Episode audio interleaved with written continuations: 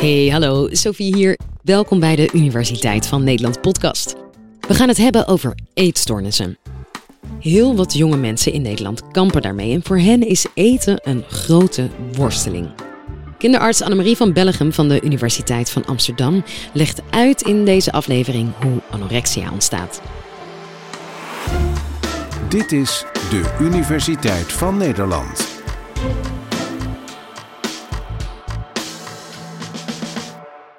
Je bent 1,70 meter lang en je weegt 40 kilo. Je bent echt broodmager. Een boterham eten kost de grootste moeite. Je bent ontzettend bang om een grammetje aan te komen. Na elk klein hapje probeer je dwangmatig veel te bewegen en je doet alles om zoveel mogelijk energie kwijt te raken. Je staat tig keer per dag op de weegschaal, maar het is nooit goed genoeg. Hoe schadelijk het is voor je lichaam zie je vrijwel niet. Je voelt je schuldig. Mensen om je heen maken zich zorgen en ze letten erg op je, maar het lukt je niet goed om je gedrag aan te passen. Anorexia nervosa is een eetstoornis waarbij iemand voortdurend bezig is met niet eten en veel bewegen. En daarnaast hebben ze een verstoord lichaamsbeeld.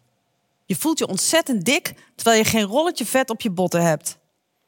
Het is een ontzettend ingewikkelde ziekte en het is de psychische stoornis met het hoogste sterftecijfer.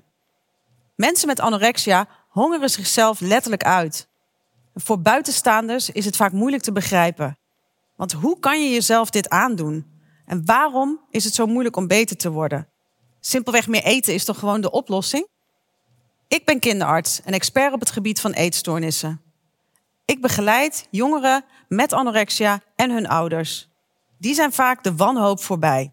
Ze zien hun kind zichzelf uithongeren en ze proberen er alles aan te doen om te zorgen dat hij of zij iets eet.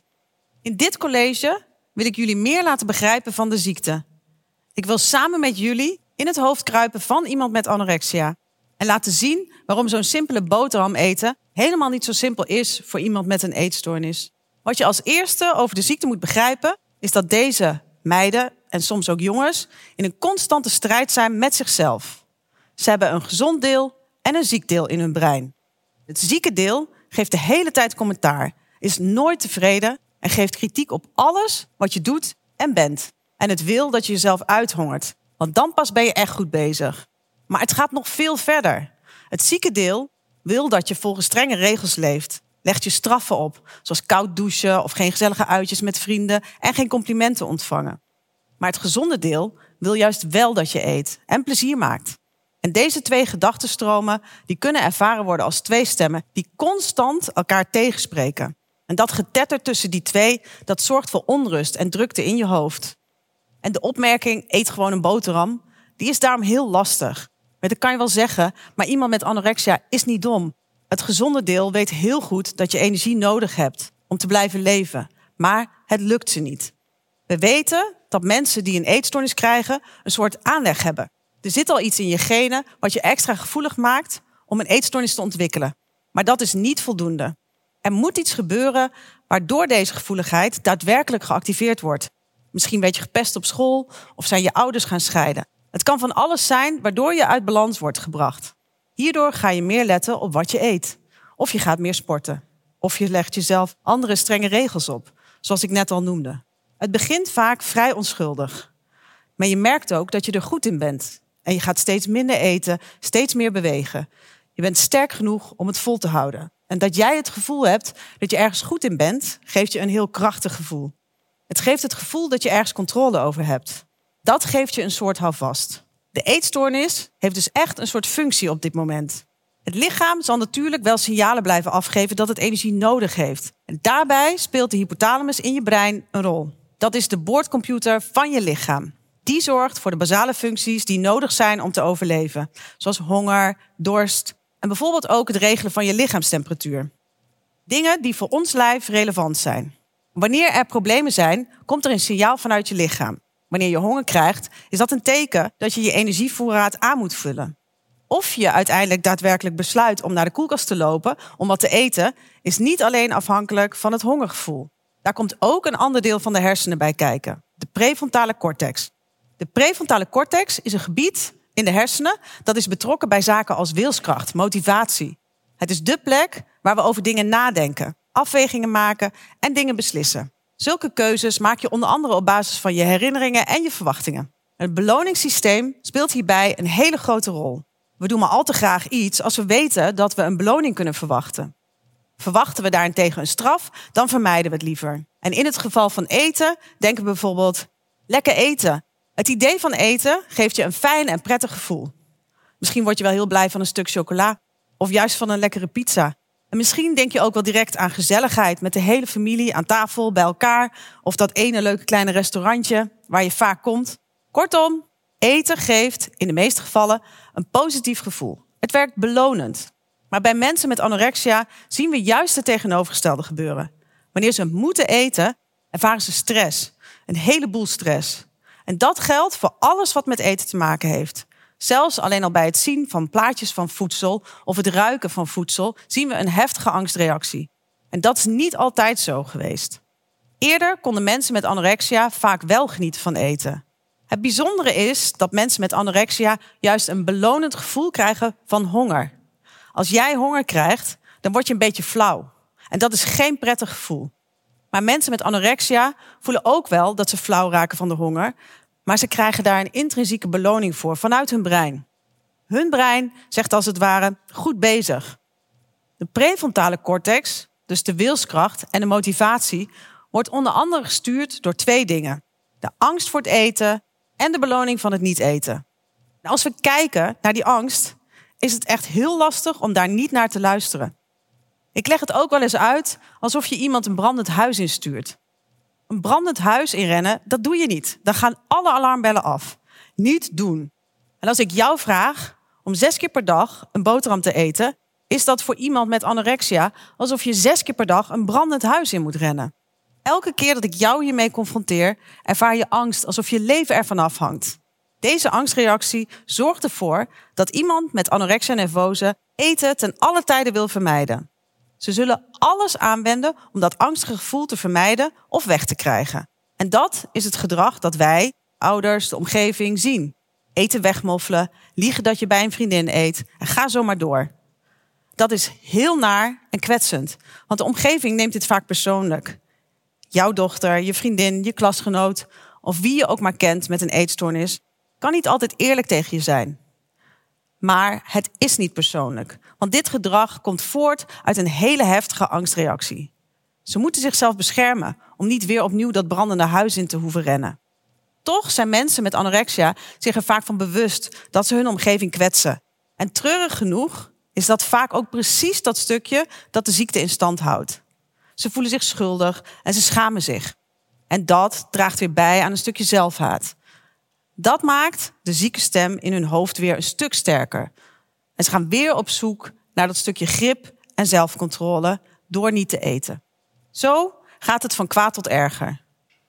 Deze meiden en jongens negeren de honger en ze putten hun hele lichaam uit. De prefrontale cortex is sterker dan wat dan ook en kan, wanneer het brein besloten heeft dat dat nodig is, vrijwel alles overnemen, zelfs de lichamelijke gevolgen. Het kan hongergevoel en pijn onderdrukken en negeren. Bij mensen met anorexia wordt het lichaam eigenlijk als een soort van marionette bespeeld door het hoofd. Het lichaampje is ondergeschikt aan wat het hoofd en de eetstoornis wil. En alsof dat nog niet erg genoeg is, zien we dat er gaandeweg nog een hersengebied een rol gaat spelen, de parietale cortex. Hier zit een radar waarmee je kan inschatten hoeveel ruimte je inneemt in de wereld. Hiermee kun je bijvoorbeeld inschatten of je door een deur heen past of dat je door een raam heen kan klimmen. Maar bij mensen met anorexia functioneert deze radar niet meer. Het is net alsof je met een vliegtuig vliegt met een kapotte hoogtemeter. Alleen jij hebt dat zelf niet door en je vertrouwt er nog volledig op.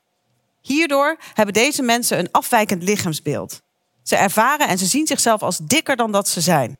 Dit is een enorm ziekteonderhoudende factor. Als jij voor de spiegel staat en jezelf als een soort olifant ziet, terwijl je omgeving een broodmager meisje ziet, dan is dat een soort mindfuck.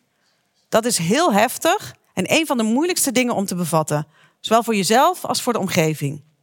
Dat is alsof ik jou ga vertellen dat je pink je langste vinger is. Dat denk jij ook, dat is niet zo. Je houdt me voor de gek. Mensen met anorexia zien een andere werkelijkheid. Ze geloven dus ook daadwerkelijk iets anders. Dat is een extra voedingsbron die de ziekte in stand houdt. Ga er dan ook niet over in discussie Maar dat heeft gewoon geen zin. Dit alles bij elkaar maakt dat het extreem lastig is om van deze ziekte af te komen. Het zieke deel in het hoofd wordt alsmaar sterker en sterker. En van de gezonde stem is bijna niets meer over.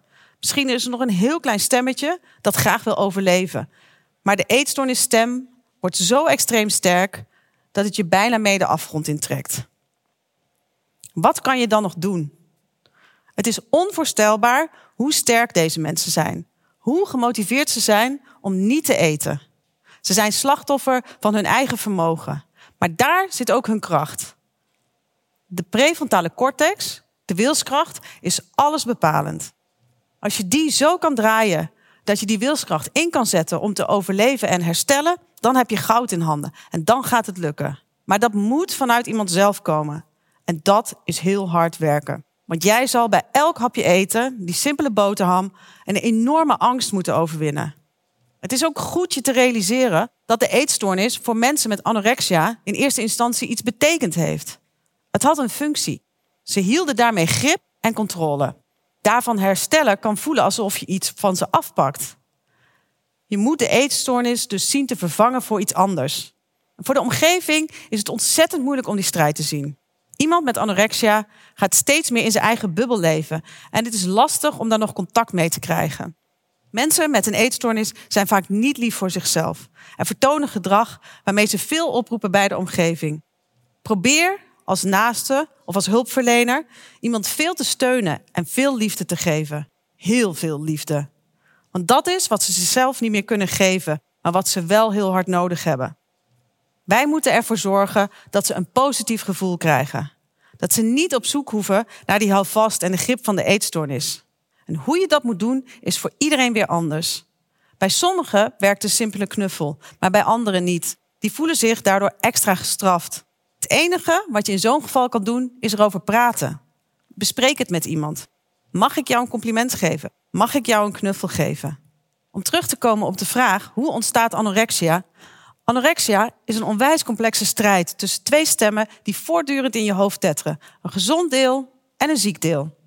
En dit heb je niet altijd al gehad, maar je bent er wel altijd gevoelig voor geweest. De aanleg die al in je genen zat, is geactiveerd door een bepaalde gebeurtenis ergens in je leven. De eetstoornis heeft toen juist iets voor jou betekend. Het gaf grip en hou vast. En het leek iets goeds. Het is alleen compleet doorgeslagen. En je moet keihard strijden om het gezonde stemmetje weer de boventoon te laten voeren. En dat is heel hard werken. Bedankt voor jullie aandacht. Je hoorde Annemarie van Bellegem. Hey, en ken of ben jij nou ook een wetenschapper die je graag hier een keer zou horen in deze podcast?